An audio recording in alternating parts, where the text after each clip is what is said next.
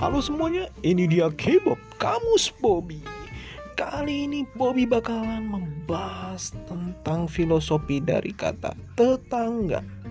Secara umum, tetangga memiliki pengertian orang yang tinggal berdekatan atau berada di lingkungan sebelah rumah kita.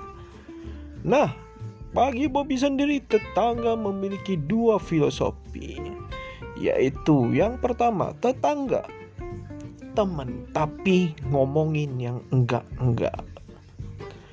Dan filosofi yang kedua, tentunya filosofi binal dari tetangga, tegang tapi enggak garang.